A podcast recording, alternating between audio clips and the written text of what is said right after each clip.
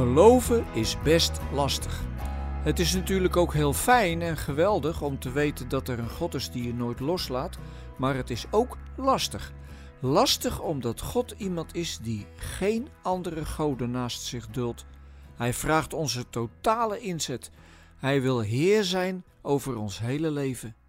En dat is best lastig, want we zouden zo graag nog wat bijklussen met andere goden. Trouwens, dat doen we ook gewoon. Net als het volk Israël toen het eenmaal in het beloofde land was gearriveerd. De Canaanieten hadden hele andere goden dan Israël, maar wel goden die veel meer voor de hand lagen. Waarom? Omdat ze beter aansloten bij de belevingswereld van de mensen. Men had vooral allerlei vruchtbaarheidsgoden in de aanbieding. Goden die voor een goed nageslacht en een goede economie zouden zorgen als je ze aanbad.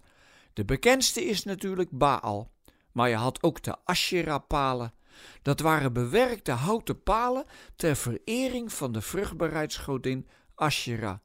Uit Oegaritische teksten is bekend dat ze gezien werd als een vooraanstaande godin die ook beschikte over wijsheid. En daarnaast bezitten ze eigenschappen die haar tekenen als een moedergodin. Je zou kunnen zeggen: Maar waarom ga je een paal aanbidden?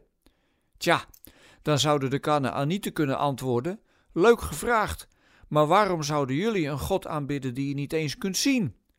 Goden die je kon zien was immers veel handiger, toch? En eigenlijk zijn wij nog steeds een beetje net als die Kanaanieten.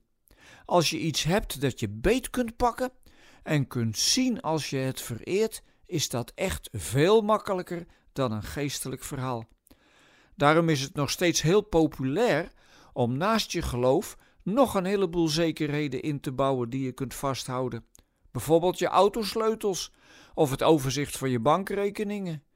Ik zeg beslist niet dat je die niet mag hebben, maar altijd weer stelt God ons de vraag: wie is nu je echte God? Hoeveel heb je over voor de dienst aan mij? En daarom is geloven zo lastig, want om die vraag te beantwoorden moet je keuzes maken. En misschien ken je het woord keuzestress wel. Dat zegt genoeg, toch? Er zijn veel keuzes in het leven die wat minder belangrijk zijn en die je ook makkelijk weer ongedaan kunt maken, maar er zijn ook keuzes die de lijn van je leven bepalen. Als jij ervoor kiest om God te dienen, zou er in je leven ook een rode draad moeten zijn te vinden waar dat uit blijkt. Als je zegt voor God te kiezen en uit je levenswijze blijkt dat je een hebberige materialist bent, dien je stiekem toch ook nog een andere God. We zijn bezig met een serie over bouwen. En de grote vraag is dan ook: voor wie bouw jij je altaar?